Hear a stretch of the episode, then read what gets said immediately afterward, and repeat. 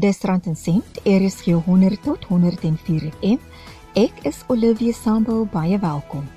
In vandag se program gesels kenners oor belasting en die verligtingmaatreëls wat die regering bied om die impak van die COVID-19 pandemie te verminder op klein sake ondernemings en besighede. Heel eerste aan die woord is Lennard Willemse, senior bestuurder in belastingkonsultasie by Mazars in Kaapstad. Hy verduidelik dat as jy vir jou maatskappy van die huis af werk, word jou belasting op 'n ander manier bereken as vir iemand wat vir haar of homself van die huis af werk. Mense moet nou baie versigtig daardie idee benader. As jy 'n salaris verdien, maar jy werk van die huis af, dan is daar sekere beperkings in terme van die inkomstebelastingwet oor wat jy mag aftrek ten opsigte van onkoste wat jy kan aangaan um, by die huis. So daar's nogal redelik baie reëls rondom dit. Maar as jy egter vir jouself werk, kom ons sê jy het 'n konsultasie besigheid en jy gebruik jou huis of jy werk van die huis af. Dan is dit belangrik dat jy as jy 'n studeerkamer het, argumentsonthaalwe, dat jy alle onkoste wat daarmee verband hou en wat jy direk daaraan kan toeskryf. Dis byvoorbeeld jou Telkomlyn of jou internet en goed, goed wat jy direk kan koppel aan jou bedryf. Dat jy daai tipe onkoste van boekhou en dan uh, as aftrekkingseis teen jou inkomste wat jy verdien.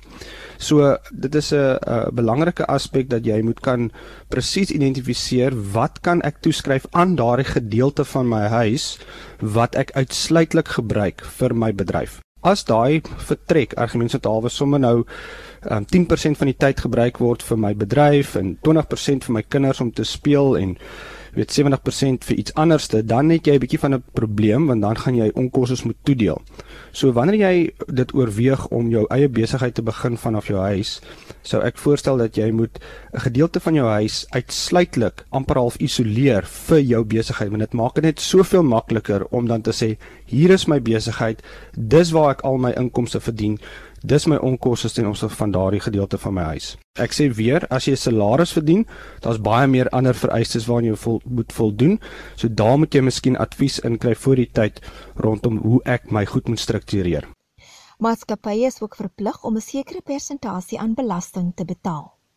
Tans is ons maatskappye belastingkoers 28%. Dit was vir 'n paar jaar 29% en dit het afgebring na 28 nou al vir 'n hele paar jaar. Ja. Nou in vergelyking met ander ontwikkelende lande is dit 'n baie hoë koers. Nou so hoë koers sit buitelandse besighede af om in Suid-Afrika besigheid te begin. Want hoekom wil ek byvoorbeeld 'n fabriek in Suid-Afrika opsit waar ek teen 28% belas word as ek byvoorbeeld een in Mauritius kan opsit waar ek argumente tot alweer teen 15% belas kan word. Rondom insentiewe Kyk, daar is redelik baie insentiewe in Suid-Afrika vir klein besighede. Jy het jou klein sake koöperasie insentief, jy het jou omsetbelasting insentief waar in 'n netedop jy teen 'n laer koers effektief belas word as jy aan sekere vereistes voldoen, sekere industrieë ensovoorts. Daar's ook natuurlik insentiewe in die vorm van slytasietoelaas wat jy op jou bates kan eis. Byvoorbeeld as jy jou eie energie opwek, sonpanele byvoorbeeld of windturbines ensovoorts, dan kry jy 'n versnelde toelaag waar jy byvoorbeeld 100% van jou koste wat jy spandeer het kan aftrek in die eerste jaar wat jy dit gebruik. So daar's 'n hele klomp insentiewe wat aan besighede beskikbaar is. Dan moet maatskappye ook BTW betaal. Louis Botha, senior adviseur by Cliff Decker Hofmeyer, werp hier meer lig op die vorm van belasting. Alle entiteite wat geregistreer is vir BTW, moet BTW betaal. Dis tipies uh, entiteite wat in 'n 12 maande tydperk lewerings gemaak het van 'n miljoen rand of meer. Hulle sou moes registreer vir BTW en hulle moet dan op al hulle lewerings, so dis byvoorbeeld die verkoop van goedere of die lewering van dienste. Hulle moet uh, op dit moet hulle verantwoord vir BTW teen 15%. So die die tydperk word binne maatskappye 'n uh, BTW opgawes moet indien en betaal hang af van die kategorie van BTW leweraar wat hulle geplaas is. So uh, meeste entiteite word geplaas in 'n 2 maande kategorie. Met ander woorde, hulle moet elke 2 maande BTW opgawes indien en betaal so met 'n as 'n voorbeeld as ek 'n maatskappy het wat geregistreer is vir BTW vir die 2 maande tydperk vir die gelyke maande so Januarie Januarie Februarie Maart April Mei Junie kom ons vat nou Mei Junie dan sal ek nou my BTW lewerings gehad het uh, in my Junie en ek sou moes verantwoord het vir dit die 15% en ek sou dalk uitgawes aangegaan het ek, waar ek 'n BTW insette kon eis en dan sal ek dit afsit goed en dan sal ek vir my BTW verpligting vir my in Junie sal ek moet in 'n opgawe vir verantwoord watter opgawe moet ingedien word voor die 25ste van die volgende maand na die tydperk so dis 25 Julie en die betaling moet plaasvind teen 31 Julie. In praktyk as betaling plaasvind voor 31 Julie, dan sal daar tipies nie 'n boete gehê word al was die opgawe 'n klein bietjie laat.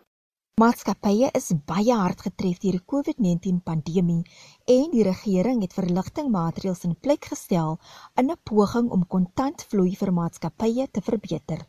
Om dit maklik te maak, gaan ek net ons voorbeeld weer gebruik van 'n BTW 'n leweraar wat vir die maande wat moet wat moet verantwoord vir sy BTW vir my in Junie normaalweg as daai BTW leweraar iemand is wat tipies 'n terugbetaling ontvang as gevolg van die aard van sy aktiwiteite. So iemand wat byvoorbeeld uitvoer, want entiteite wat uitvoer, meeste uitvoere kan mens verantwoord vir BTW teen 0%. So met ander woorde, hy sal dan terugbetalings kon eis vir al die inset BTW wat hy betaal het. So normaalweg sal ons BTW leweraar eers sy terugbetaling kon ontvang vir die Mei-Junie periode teen die einde van Julie. Maar op grond van die van die verligtingmaatreël wat nou ingebring is vir 'n paar maande, kan hy sy Mei BTW verpligting of sy Mei BTW terugbetaling kan hy reeds in Junie eis sodat die bedrag in Junie terug aan betaal word in plaas daarvan dat 2 maande se bedrag terugbetaal word aan die einde van Julie. So dit is nou 'n maand of wat hy die bedrag vroeër sou ontvang. Die inkomstebelastingdiens is baie streng wanneer die wette omtrent BTW verbreek word.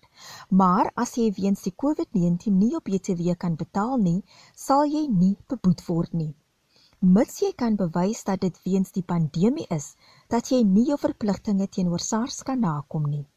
BTW is een van die belastings waar mens nog baie strafregtelike vervolging sien uh, sake waar SARS strafregtelike maatreëls instel teenoor ander belastings waar hulle tipies eerder fokus daarin om die betaling van boetes en rente en so aan uh, in te vorder waar dan waar daar nie nakoming was nie. So met BTW ongelukkig daar is nog steeds BTW bedrogskemas en so aan wat wat uitgevoer word en dit is iets wat hulle steeds probeer bekamp deur weet die strafregtelike vervolgings ensovoorts.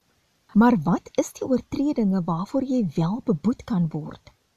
Dis tipies vir laatbetaling van belasting of laat indiening van belastingopgawes. Uh boetes word gehef vir verskillende tipes gedrag. Dit word ook gehef in ander gevalle waar dit later aan die lig kom SARS doen 'n audit op 'n individu en dit kom aan die lig dat hulle nie die korrekte belasting betaal het nie.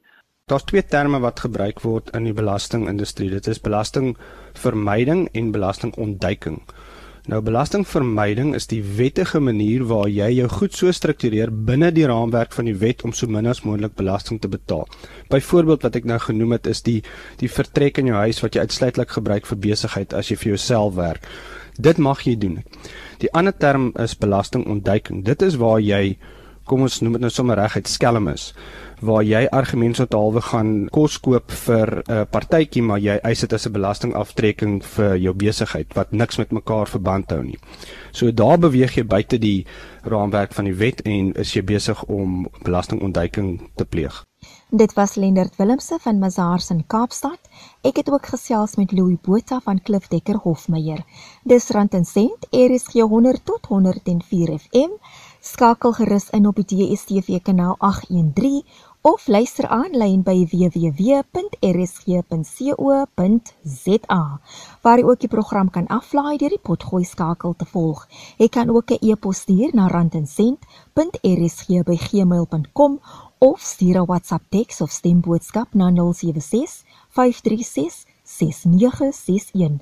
Louis Botha van Klif Dekker Hofmeyer raai aan dat jy advies by kundiges moet gaan inwin om seker te maak dat jy wel kwalifiseer vir die verligting maatreëls wat die regering daar gestel het vir belasting. Mens moet kyk spesifiek watter tipe belastingverligting ter sprake is. Sekere belastingverligtingsvoordele kan jy eers later kan ontvang en sekeres kan jy nou gou binne die kort termyn ontvang. Iets byvoorbeeld en wat een van die belangriker is die PAYE uh, aftrekkings wat gemaak word werkgewers wat van dit van voorsiening maak kan byvoorbeeld kyk of hulle deur SARS geag word as ehm um, pligsgetroue nakomende belastingbetalers. Hulle kan dit op hulle e-filing profile byvoorbeeld kyk. Jy kan byvoorbeeld iets soos 'n 'n belastingklaringssertifikaat was altyd die dokument gewees. Hulle het dit nou 'n bietjie verander. Is 'n brief wat basies sê dat jou belastingnakomende status is goed, jy voldoen aan al jou belastings. As jy daardie dokument het, dan weet jy dat jy byvoorbeeld vir die verligting rondom 'n werknemersbelasting jy vir dit kan kwalifiseer. So dit geld vir die PAYE verligting, dit geld ook vir die voorlopige belastingverligting. Jy weet iets soos die vaardigheidsontwikkelingsheffing. Daar is daar darm nie 'n voorvereiste dit is 'n 4 maand vakansie of 4 maand holiday wat jy nie hoef te betaal nie. Daar's nie soveel fynskrif om te bekommer nie. So dit hang af van die tipe verligting waarvoor jy voorsiening maak. En ek dink jy weet entiteite wat waar hulle sake dalk meer kompleks is of so, hulle moet dalk praat met hulle boekhouer of hulle adviseurs of hulle belastingadviseurs of of wie dit ook al mag wees om, om seker te maak dat hulle wel vir dit kan kwalifiseer. Is soos ek sê daar is maniere ook byvoorbeeld waarop entiteite dit self kan doen. Byvoorbeeld dat entiteite kan ook SARS direk kontak as hulle wil. Hulle kan kyk vir hierdie belastingklarings sertifikaat en so aan. Maar maak seker dat jy die belasting en die wysigings mooi verstaan. As 'n entiteit onseker is, praat maar liewer met met jou belastingadviseur of met jou boekhouer of met wie ook al dit is wat jou op jou belastingsaake adviseer. Besighede wat kwalifiseer, kan die betaling van werknemersbelasting uitstel sonder dat hulle beboet word of ekstra rente moet betaal. Pay as you earn is basies die bedrag wat afgetrek word van jou salaris en oorbetaal moet word deur jou werkgewer aan SARS op 'n maandelikse basis. En die beste manier om te sien is amper so 'n afbetaling uh, op jou salaris. So soos wat jy inkomste ontvang, betaal jy belasting daarop en dan aan die einde van die jaar as jy iemand is wat 'n uh, 'n uh, inkomstebelastingopgawe moet indien, vind daar 'n rekonsiliasie plaas. Tipies wat sal gebeur is as jy net inkomste verdien het uit jou salaris, dan het jy basies die belasting klaar betaal. Dis 'n baie baie positiewe maatreël want dit affekteer die werknemer. Want wat gebeur is uh, en vir alle werknemer wie se salaris moontlik verminder is as gevolg van die moeilike ekonomiese tye en so aan. Want gestel ek werknemer se salaris is verminder, maar hulle moet steeds dieselfde hoeveelheid PAYE betaal, dan beteken dit nou hulle het minder kontant in die sak en, en nou moet hulle kyk hoe hulle uitgawes gaan delg. Maar hier wat hierdie maatreël nou doen is om te sê, goed, as jy 'n werknemer is wie se salaris nou verminder word, ten minste weet jy dat as jou werkgewer van hierdie verligting gebruik maak, dan kan hy dit so doen op 'n manier waar jy nog steeds dieselfde netto bedrag ontvang. Met ander woorde jou jou bruto salaris minus die PAYE met die wete dat jy moontlik nog later die verskil in die PAYE um, gaan moet betaal. Maar ten minste het jy daai kontant nou in die sak, so jy kan nog steeds jou uitgawes delg en swaan en jy koop tyd om te sien goed hopelik later sal mens dan die kontant hê om die verskil te betaal. Ek dink op grondvlak is dit 'n kritiese maatreël want dit affekteer werknemers op 'n baie baie groot skaal. Die werkgewer het die verpligting om die PAYE af te trek van die werknemer se salaris en oor te betaal aan SARS. So die werkgewer is die een wat wat verseker dat hy vir die verligting kan kwalifiseer. Die Solidariteitsfonds is op die 23ste Maart vanjaar gestig om ondersteuning te bied tydens die COVID-19 pandemie. Besighede wat tot die fonds bydra, kan dan nou die skenking eis as 'n aftrekking van hulle belasting. Die solidariteitsfonds val basies in die bestaande belastingraamwerk wat gaan oor bydraes wat jy maak aan sogenaamde openbare welsynsorganisasies. Die Engels praat van public benefit organisations die algemene reëls rondom dit is dat indien jy as 'n individu 'n skenking of 'n donasie maak aan 'n openbare welsynsorganisasie, dan uh, kan jy hierdie skenking aan aan sekere openbare welsynsorganisasies, jy kan daai skenking kan jy eis as 'n aftrekking in jou belasting, maar dit is beperk tot 'n sekere bedrag. Dit is nou 10% van jou belasbare inkomste. Wat dan nou gedoen is om 'n uh, bydrae tot die solidariteitsfonds aan te moedig. Aan die een kant word dan nou gesê dat indien jy tot die solidariteitsfonds bydra, dan kan jy tot en met 20% van jou belasbare inkomste is aftrekbaar in die huidige jaar. En dan as jy 'n uh, 'n werknemer is, die president en die kabinet en baie industrieë in die in die private sektor het gesê hulle senior bestuur vir derde van hulle salarisse gaan hulle skenk aan die solidariteitsfonds.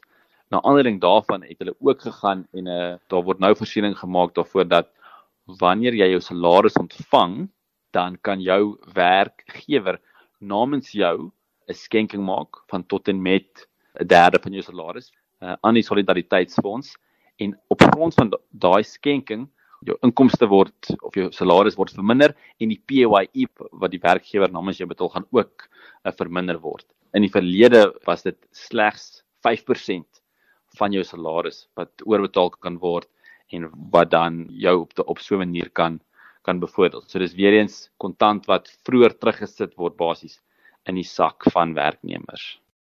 Dis uiters belangrik om te onthou dat jy die belasting wel later sal moet betaal aan die Suid-Afrikaanse Inkomste Diens. Meeste van die belastingmaatreëls gaan daaroor om verpligtinge bloot uit te stel. Ongelukkig is dit nie kwytskelding die die enigste maatreel wat regtig uh, gaan kwytskelding is die vaardigheidsontwikkelingsheffingsbydra, die skills development levy. Die res van die maatreëls is meer daarop gemik om, om bloot die verpligting uit te stel en soos jy sê nie kwyt te stel nie. Dis raadsaam om deeglike navorsing te doen voordat jy 'n belastingkonsultant gaan sien om te verhoed dat jy in die struik van 'n onetiese bedrieger trap.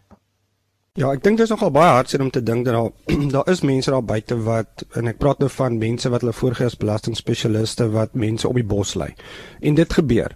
Nou, as jy mens kyk na hoe belastingspesialiste gereguleer word in Suid-Afrika, daar's basies een of twee organisasies onder andere SAICA, the South African Institute of Chartered Accountants en SAIT, the South African Institute of Tax Professionals wat hierdie belastingadviseurs basies reguleer en sekere um, vereistes stel vir daardie adviseurs rondom wat hulle moet weet, wat hulle kan adviseer ensovoorts. En sou hulle dan nie reg optree nie, dan kan 'n individu klagte lê teen hulle en dan dan is daar natuurlik reperkusies.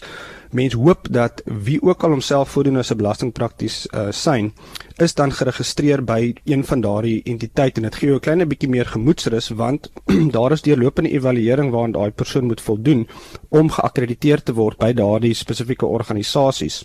So dis miskien 'n beginpunt dat wanneer jy begin gesels met 'n belastingadviseur om te verstaan by wie is daai persoon geaffilieer, is dit 'n geakkrediteerde affiliasie.